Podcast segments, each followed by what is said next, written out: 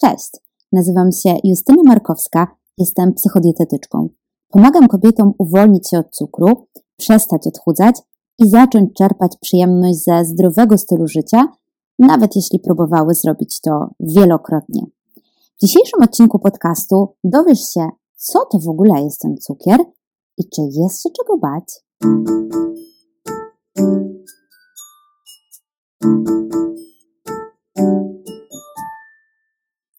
Gdy przygotowywałam się do tego odcinka podcastu, to wpisałam sobie w Google frazę cukier. I jednym z pierwszych haseł, które mi wyskoczyło, to było hasło cukier, biała śmierć.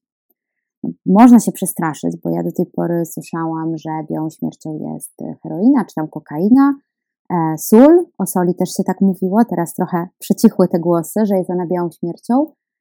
I o cukrze też się tak mówi, coraz częściej, coraz więcej specjalistów zwraca na to uwagę. Między innymi ja, e, ja też już od jakiegoś, no nawet dość długiego czasu mówię o tym, że cukier e, może być niebezpieczny i może powodować uzależnienia i co za tym idzie szereg innych chorób. Jeśli słuchałaś poprzedniego odcinku podcastu, to wiesz, że często te skutki nadmiaru cukru w diecie no, są takie nieoczywiste. Może nam się wydawać, że zupełnie nie mamy problemu, tymczasem ten problem jest tylko e, ukryty pod na przykład naszym gorszym samopoczuciem, czy e, pod naszymi relacjami z innymi, które nie układają się tak, jak byśmy tego sobie życzyły. No dobra, ale w, drugi, z drugą, w drugą stronę też no, nie powinnyśmy popadać w taki takie wielkie przerażenie, że w ogóle ten cukier to jest zło i, i w związku z tym wszyscy żyjmy w stylu no sugar. Mm, czy to jest w ogóle możliwe?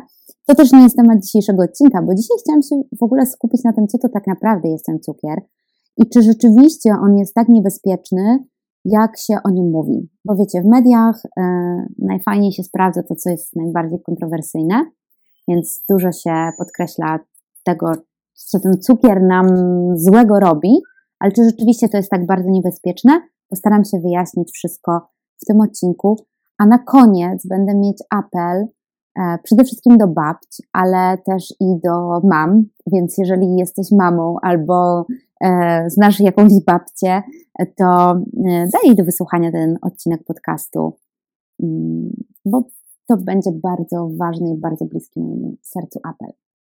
No dobra, ale to przejdźmy zatem do tego, e, o czym dzisiaj się będziemy e, zajmować, czym dzisiaj się będziemy zajmować, o czym będziemy mówić, czyli o naszym cukrze, czym on w ogóle jest.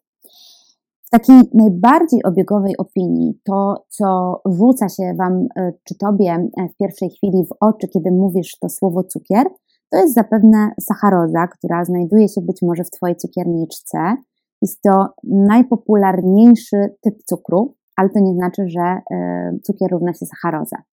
Sacharoza jest tak naprawdę dwucukrem, czyli y, biologicznie jest to połączenie cząsteczki glukozy i fruktozy. I sacharoza może być pozyskiwana zarówno z buraka, jak też z trzciny cukrowej. Może przyjmować różną formę. To nie muszą być koniecznie te białe kryształki, które znamy. Sacharoza może być też brązowa, i to jest tak zwany brązowy cukier, e, który po prostu jest y, nieoczyszczony, zawiera melasę, mm, y, nadającą właśnie mu brązową barwę. Ale melasy tak naprawdę, y, mimo tego, że często e, słyszę taki argument, że no ale przecież w tej melasie to jest tyle składników odżywczych i żelazo, i wapń, i coś tam jeszcze. No okej, okay, ale przy takim spożyciu cukru, jakie jest zalecane, czy jakie mm, podpowiada nam zdrowy rozsądek, to te ilości po prostu nie mają znaczenia. Dam może na 100 gramów cukru E, to y, rzeczywiście może ta melasa wnosi jakąś wartość odżywczą, ale na 5 gramów cukru to są po prostu śladowe ilości, więc tym się w ogóle nie zajmujemy. Cukier e, czy ta sacharoza może mieć też postać kryształków połączonych w kosteczki, to na pewno dobrze wiesz. Może być też zmielona, czyli mieć postać cukru pudru, ale można też do sacharozy dodać jakieś aromaty, na przykład aromat wanilinowy i w ten sposób powstaje nam cukier wanilinowy. E, czyli to jest to, o czym myślimy w pierwszej kolejności, kiedy mówimy o cukrze. To jest ta sacharoza. Ale generalnie e, sacharoza jest jednym z rodzajów cukru e, i mamy w ogóle całą taką grupę składników pokarmowych, które nazywamy cukrami. I obok białek i tłuszczy to jest podstawowa grupa składników odżywczych.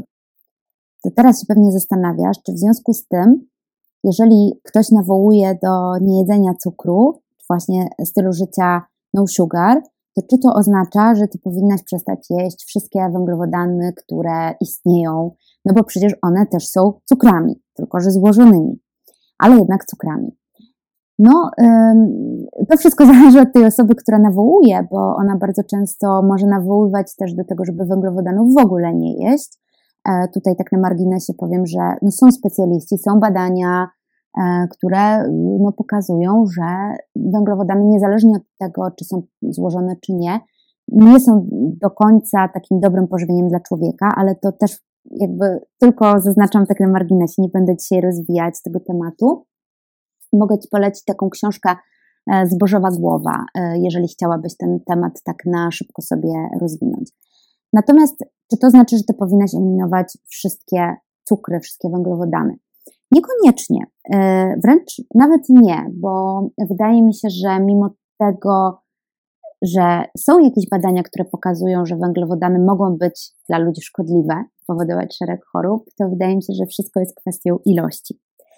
I ja, jeżeli mówię o uwalnianiu od cukru, to też nie mam na myśli y, tego, że wszystkie węglowodany eliminujemy, chociaż y, mam też klientki, w, którym, y, w tym pomagam, czyli w takiej całkowitej eliminacji węglowodanów, jeżeli sobie tego życzą, to czemu nie, ale dzisiaj chcę mówić właśnie o cukrze, który ja rozumiem troszeczkę inaczej niż taka definicja mm, typowo biologiczna, którą przytoczyłam mm, przed chwilą jako całą grupę składników odżywczych, bo cukier tak naprawdę ma wiele różnych nazw i to, co jest, e, to do czego ja tak naprawdę nawołuję, e, to jest e, ograniczenie cukru dodawanego do produktów.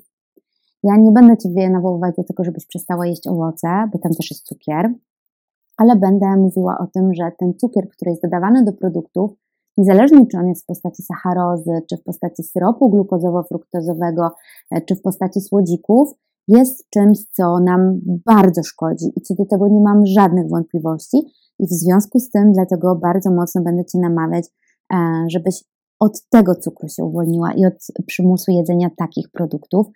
E, tak jak powiedziałam, cukier w pokarmach, w, produktach spożywczych występuje pod bardzo różnymi nazwami. E, nawet kiedyś trafiłam na taką grafikę w internecie, na której było 60 różnych nazw e, cukru. Czyli my e, nie zawsze musimy znaleźć na opakowaniu słowo cukier, żeby w składzie tego produktu był cukier. Możemy znaleźć na przykład nazwę właśnie syrop glukozowo-fruktozowy, możemy znaleźć miód. Zwykle jest to miód sztuczny, który nie ma żadnych wartości zdrowotnych, ale nam się wydaje nie, że miód to jest taki spoko. Prawda? Dobrze, że miodem posłodzili. E, cukier może się też nazywać glukozą, fruktozą, maltozą, laktozą. No, rodzajów cukru jest naprawdę bardzo, bardzo dużo i w zależności od tego, jaki rodzaj został użyty, no to te cukry są lepsze i gorsze. Natomiast unikałabym takiego podziału na cukier dobry i zły. E, pisałam o tym na swoim blogu, kiedy właśnie też nawet tworzyłam taki ranking tych zdrowych cukrów ponieważ e, już sam przydomek zdrowy do cukru może nam e, sugerować, że my może powinniśmy tego jeść więcej, no bo skoro to jest takie zdrowe, to przecież nie zaszkodzi. Tymczasem to jest e, bzdura i oczywiście zaszkodzi. Tak na dobrą sprawę ten cukier dodany, który mamy w produktach, w ogóle mogłybyśmy go nie spożywać i nic złego by się nie stało. Wręcz przeciwnie, działyby się same dobre rzeczy, ale żyjemy w takim świecie, w jakim żyjemy i nie jest to świat czarno-biały, który albo możemy jeść tylko produkty bez dodatku cukru, albo tylko produkty z dodatkiem cukru, tylko trochę tego cukru w naszej diecie zawsze będzie. I na to Cię chciałabym uczulić. Tak jak powiedziałam, w zależności od tego, jaki mamy cukier, to on może mieć gorszy lub trochę mm, mniej gorszy wpływ na nasz organizm. Na przykład y, glukoza jest takim cukrem, mm, który wydaje się być stosunkowo bezpieczny tylko że w ogóle glukoza jest y, podstawowym składnikiem, podstawowym paliwem naszego organizmu, podstawowym paliwem dla mózgu, dla mięśni, dla wielu różnych komórek ciała, ale też nie jest tak, że to jest jedyny, jedyne paliwo. To znaczy, mm, osoby, które na przykład rezygnują ze spożycia mm, węglowodanów i nie dostarczają w ogóle mm, glukozy, e, nie przestają żyć, e, nie przestaje ich organizm pracować, ich mózg też nie przestaje pracować.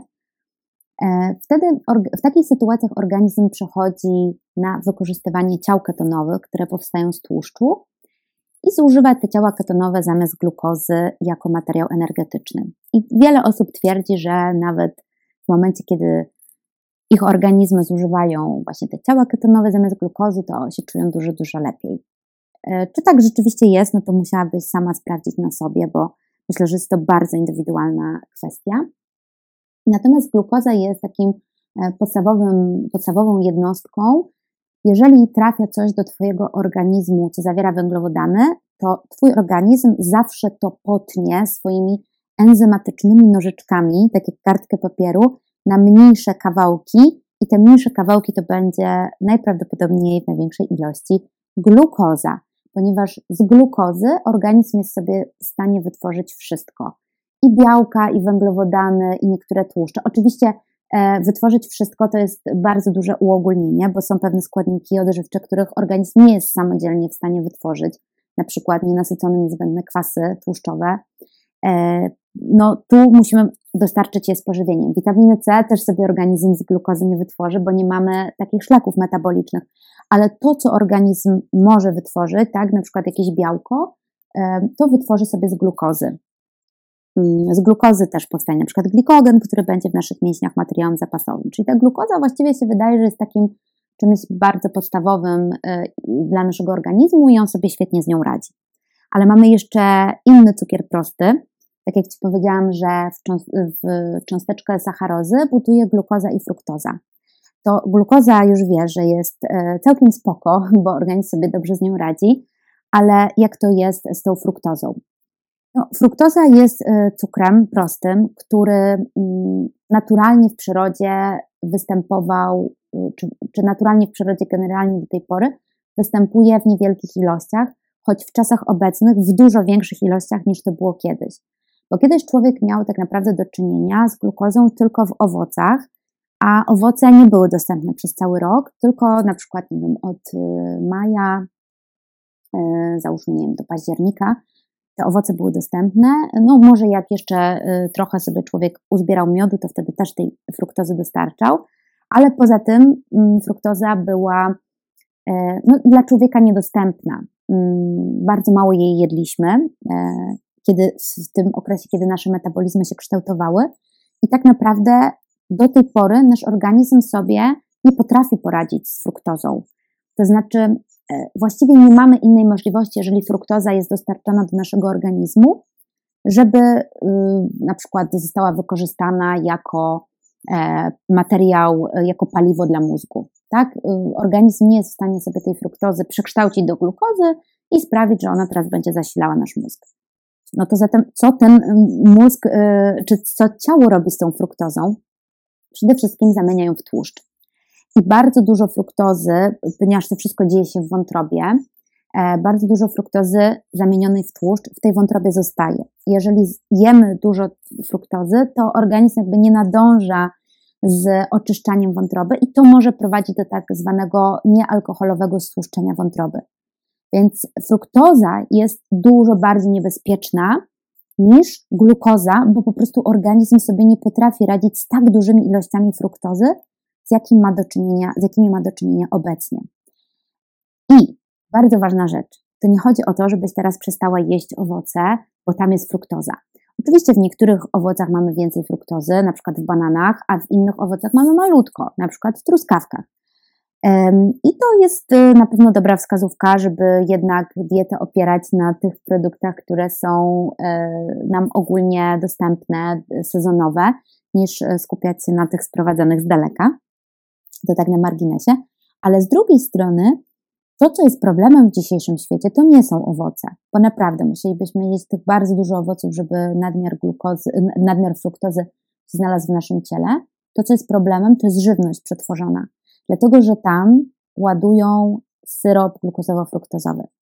I pomimo, że sacharoza też jest związkiem, który zawiera glukozę i fruktozę, to jest to to są inne proporcje niż w tym syropie glukozowo-fruktozowym. Ten syrop glukozowo-fruktozowy e, często bywa też nazywany wysokofruktozowym syropem albo syropem kukurydzianym. On jest dla producentów żywności to on jest super, bo po pierwsze mogą napisać na swoim opakowaniu, że nie zawiera cukru, no bo przecież nie zawiera, bo zawiera syrop glukozowo-fruktozowy. Ha, ha, ha, spryciarze. Ale co jeszcze mogą zrobić? Przede wszystkim mogą więcej zarobić, bo syrop glukozowo-fruktozowy jest bardzo tani w porównaniu do sacharozy, która też nie jest jakimś tam super drogim, super drogim składnikiem, ale y, jest y, syrop glukozowy jeszcze o wiele tańszy. Więc producenci bardzo chętnie lubią, tak, o czemu nie. W Polsce jeszcze nie ma, znaczy jeszcze nie ma, a może już była to taka fala bardzo dużego dodawania, e, dużych ilości dodawania syropu glukozowo-fruktozowego. Natomiast to, co się dzieje w Stanach Zjednoczonych, to jest po prostu masakra. Oni tam, producenci po prostu do wszystkiego dolewają, do, do czego tylko można. Jest to naprawdę przeogromny problem. E, także ja wolę zjeść coś, co zawiera cukier, niż coś, co zawiera syrop glukozowo-fruktozowy, bo wiem, że organizm jakby łatwiej sobie poradzi e, z tą ilością fruktozy, którą mam z sacharozy, niż z tą ilością fruktozy, która jest e, w syropie. Także patrz na składy, e, patrz na etykiety, co tam jest napisane. Jeżeli jest syrop glukozowo-fruktozowy, to nie kupuj takiej rzeczy, bo to naprawdę nie jest nic dobrego. Ok, czy już jesteś przestraszona? Czy już uważasz, że tego cukru się powinno bać? Ja powiem Ci, że mam takie okresy, tak falami do mnie przychodzi strach przed cukrem. To znaczy, są takie momenty, kiedy na przykład więcej czytam o tym, co cukier złego robi w naszym ciele, i wtedy strasznie się wkurzam na ten cukier, że on jest taki okropny. E, I wtedy też trochę zaczynam się go bać. I wtedy bardzo pilnuję swojej diety i nie chcę tego cukru mieć w niej. Ale mam też takie okresy, kiedy sobie mówię, dobra, wszystko jest dla ludzi, e, co mnie nie zabije, to mnie wzmocni. nie, oczywiście, e, to drugie może mniej tutaj pasuje w tej sytuacji, ale wszystko jest dla ludzi i wszystko jest kwestią ilości, prawda? Tylko dawka czyni truciznę. I tak staram się żyć przede wszystkim na co dzień. Oczywiście w tych okresach, kiedy no, tego cukru się bardziej boję, to gdzieś tam mocniej sobie dociskam pasa. Ale słuchajcie, dlaczego ja się tak naprawdę boję cukru? Ty nie musisz. Jeżeli e, nie chcesz, to nie musisz się bać cukru. Ale dlaczego ja się go boję? Tak naprawdę z trzech powodów. Pierwszy to jest uzależnienie. E, wiem, że nie wszyscy specjaliści się tutaj ze mną zgodzą, a wiem, że są osoby, które mówią, że w ogóle nie można mówić o uzależnieniu od żywności, bo gdybyśmy byli uzależnieni od żywności, to byśmy się rzucali na jabłko i na banana e, i na truskawki. E, ale mnie się wydaje, że to mówią specjaliści, którzy nie mają kontaktu z takimi osobami, które są uzależnione od żywności przetworzonej. Bo to prawda, ja też nie znam osoby, która byłaby uzależniona od marchewki. Ja znam osoby, które są uzależnione od czekolady, chipsów, kabanosów, e, słodkich bułeczek, pieczywa tostowego, od pieczywa w ogóle, e, od frytek. Tak, takie osoby znam. I nie boję się powiedzieć, że one są uzależnione, ponieważ mają wszelkie objawy, e, które mogłybyśmy przepisać, tak jak na przykład osobie uzależnionej od e, alkoholu czy od papierosów. Ten sposób rozładowują stres, jedząc. E, pozbawienie ich tego bodźca, może, czyli jedzenia, może sprawić, że po prostu czują się rozdrażnione. Mm, I jest w nich często taki przymus jedzenia. To znaczy, to nie jest tak, że one jedzą chipsa, bo mają ochotę na chipsa. One jedzą chipsa, bo muszą zjeść chipsa, bo po prostu czują, że zaraz się rozpadną na, strzępy, jeśli tego nie zrobią. Czy to nie jest uzależnienie? No jeśli Twoim zdaniem nie jest, to ok. Dla mnie to jest właśnie uzależnienie i ja się tego bardzo boję, ponieważ nie chcę e, sama mieć takiego przymusu jedzenia. Wspominałam w pierwszym odcinku podcastu, że byłam na dobrej drodze, właściwie to chyba nawet y, byłam, otarłam się o to uzależnienie bardzo mocno i też nie chcę, żeby inne kobiety miały z tym problem. Czy to jest ta pierwsza rzecz? Cukier pobudza te same ośrodku, ośrodki w mózgu, co heroina, co kokaina, co seks. Także rzeczy, od których wiemy, że się można uzależnić. I przytaczałam już nieraz, e, jeżeli nie obserwujesz, to gdzieś e, na pewno słyszałaś tę historię o tym, że szczury silniej się uzależniają od sernika niż od kokainy. Wolą jeść sernik niż kokainę. oczywiście to są badania na zwierzętach i my nie jesteśmy w stanie ich przenieść y, w 100% na ludzi, ale ile znasz osób uzależnionych od sernika, a ile znasz osób uzależnionych od y, kokainy czy od jakichś innych narkotyków? Prawda? Więc też chyba można by było wysnuć taki wniosek, że jednak ludziom też jest się łatwiej uwolnić, znaczy uzależnić od sernika niż od heroiny. No dobra, ale nawet jeżeli jesteśmy uzależnione od tego cukru, to, to można powiedzieć, no to co? To, to jeszcze się nie ma czego bać, bo przecież zawsze się można uwolnić. Na przykład y, może w tym pomóc Justyna Markowska. Nie no, oczywiście żarty na bok, bo y, powiedziałam, że są trzy rzeczy, które mnie w cukrze najbardziej przerażają. Pierwsze to jest to uzależnienie, ale po drugie nowotwory. Rak się karmi cukrem, po prostu. To znaczy Komórki nowotworowe to nie są jakieś komórki, które nam spadły z nieba i w ogóle nie wiadomo skąd one się tam wzięły. To są nasze ludzkie komórki, które się po prostu zaczynają rozmnażać nieprawidłowo w za dużych ilościach, nie w tych miejscach, w których powinny i powstają guzy. I cukier jest czymś, co stymuluje wzrost komórek. Spożycie cukru stymuluje również wydzielanie insulinopodobnego czynnika wzrostu, nie tylko spożycie cukru, ale między innymi, który powoduje wzrost wszystkich komórek w organizmie, a więc również komórek nowotworowych. E, więc biały chleb na oddziałach onkologicznych to jest serwowany y, jako jedzenie dla tychże osób. To jest w ogóle moim zdaniem śmiech przez łzy, taki wiecie, czarny humor. Mm, bo niby leczymy tych ludzi, ale zapominamy o tym, że dieta ma niesamowicie mocny wpływ na to, jakie są prognozy leczenia osoby chorującej na nowotwór. A nowotwory są i będą się zdarzały, bo tak naprawdę brzydko to zabrzmi, ale każdy z nas jest w jakiś sposób do tych nowotworów predysponowany. To znaczy to, że w pewnym momencie nasze komórki zaczną się, mogą zacząć się namnażać w jakiś taki dziwny, szalony sposób i doprowadzić do, tych, y, do powstawania guzów, jest możliwe. E, i może, y, może spotkać każdego z nas. Oczywiście mam nadzieję, że, że tak nie będzie, ale może tak być. I co w związku z tym?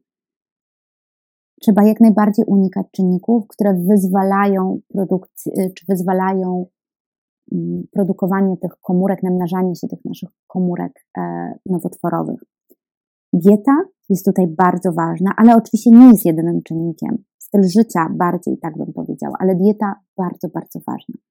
Więc yy, dieta, która jest bogata w cukier, bogata w produkty wysoko przetworzone, myślę, że można powiedzieć, że jest czynnikiem ryzyka nowotworu, yy, ryzyka rozwoju nowotworu. Znaczy, nawet nie myślę, ja po prostu wiem, że tak jest. Natomiast trzecia rzecz, której właściwie się boję najbardziej, chociaż może się wydawać, że już nie ma nic gorszego od nowotworu, a dla mnie nie jest to są choroby układu krążenia.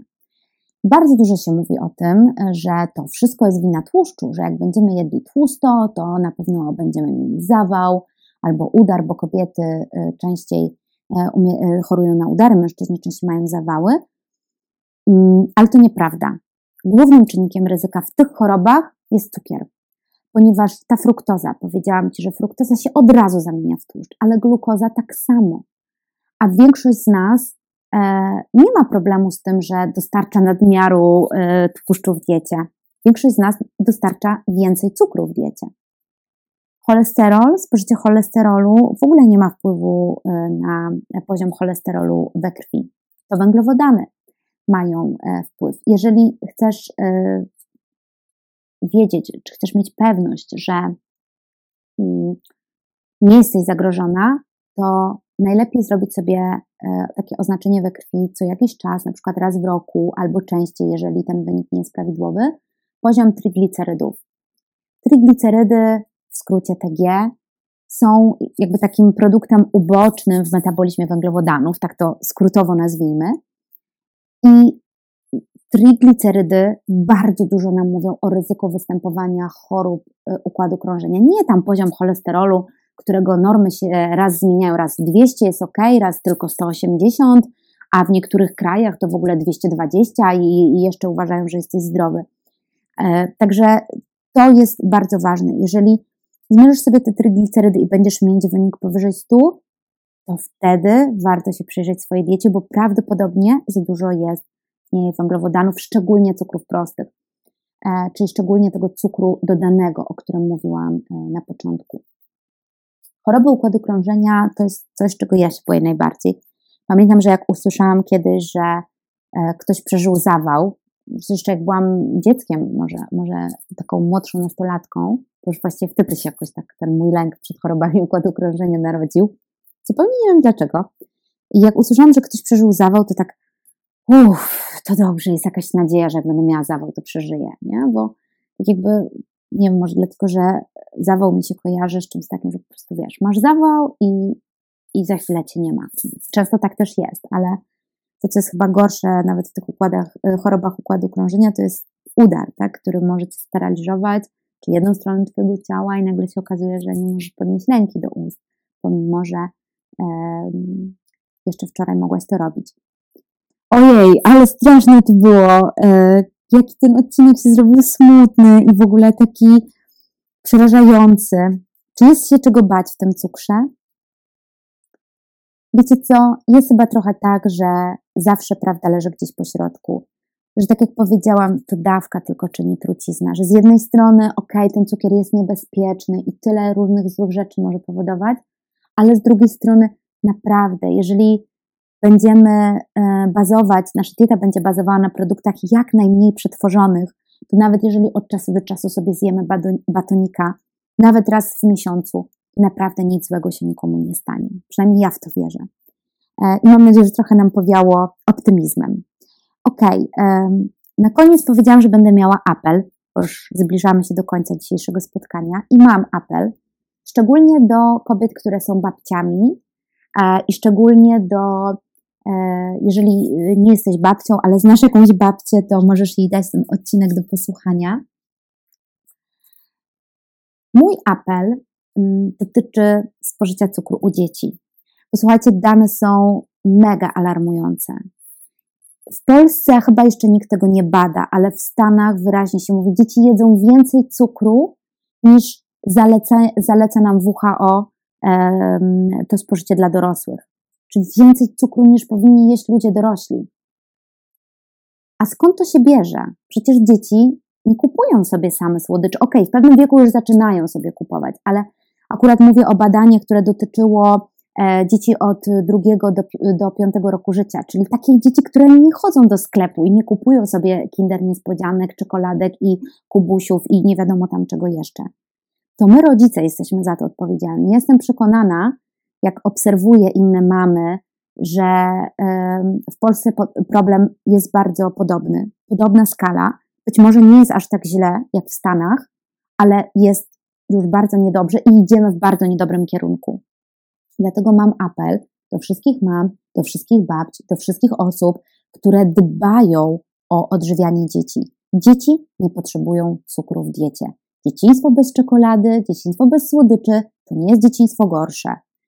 Ja nie zachęcam oczywiście do tego, żeby dzieci nigdy w życiu nie jadły nic słodkiego, ale wierzcie mi, że są lepsze prezenty dla dzieci niż kolejny jajko niespodzianka, niż kolejny zdrowy kubuś, czy po prostu jakieś inne jedzenie, pseudo jedzenie dla dzieci, bo tego się po prostu inaczej nie da nazwać.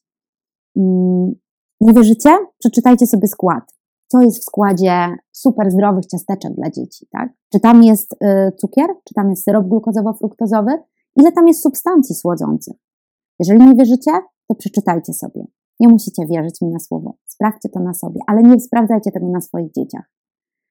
Wiecie co, ja często się spotykam z takim argumentem, że ja przesadzam, zwłaszcza odnośnie mojego synka.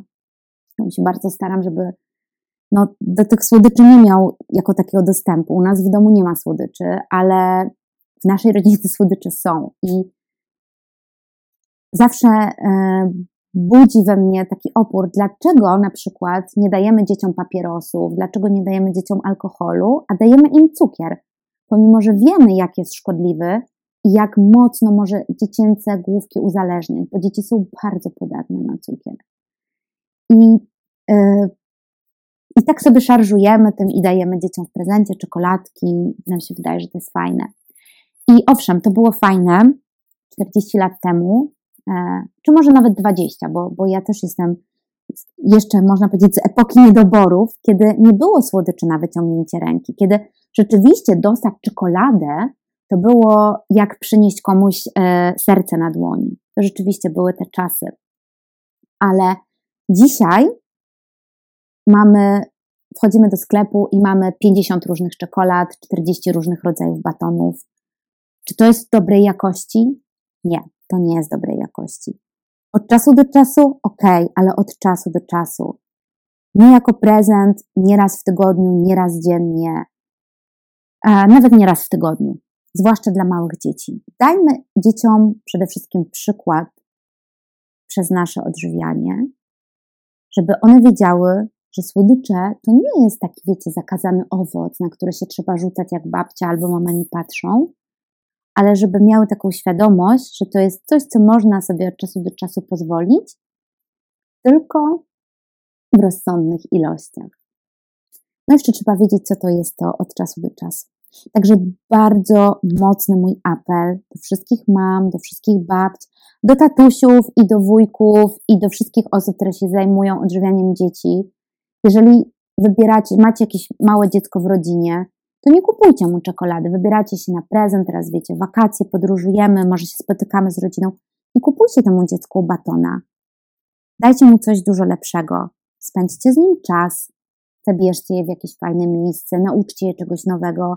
To będzie dla nich dużo, dużo lepsze niż zapychanie ich tymi słodyczami, tą pseudo-żywnością, które nie wnoszą żadnej wartości odżywczej, a tylko mogą je uzależnić i wepchnąć na gorszą stronę odżywiania, czyli tam, gdzie będą szły w stronę tych nowotworów, w stronę tych chorób układu krążenia.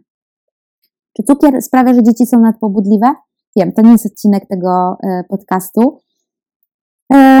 Oczywiście, że są badania, które mówią, że nie, że nie, że, i to takie bardzo duże badania, um, ale myślę, że cukier bardzo mocno wpływa na to, jak funkcjonuje mózg dorosłego człowieka, a dziecka już w szczególności. Dobra, kończę, bo mogłabym się rozgadać na e, bardzo, bardzo długo, bo to jest rzeczywiście temat rzeka. Tak więc to wszystko w dzisiejszym odcinku podcastu. Usłyszymy się, mam nadzieję, że troszeczkę szybciej. Mam zamiar skracać te przerwy pomiędzy odcinkami podcastów. Bardzo bym chciała, żeby podcasty ukazywały się teraz co dwa tygodnie, a nie tylko raz w miesiącu. I mam nadzieję, że ta przerwa wakacyjna pozwoli mi e, tak sobie to wszystko zaplanować, żeby to było możliwe. Być może w następnym odcinku podcastu będę miała gościa, a jeśli nie, to opowiem Wam o tym, co to według mnie jest detoks cukrowy i jak można go przeprowadzić, e, a jak lepiej tego nie robić. To w takim razie dziękuję Ci bardzo, że byłaś ze mną i do usłyszenia w kolejnym odcinku.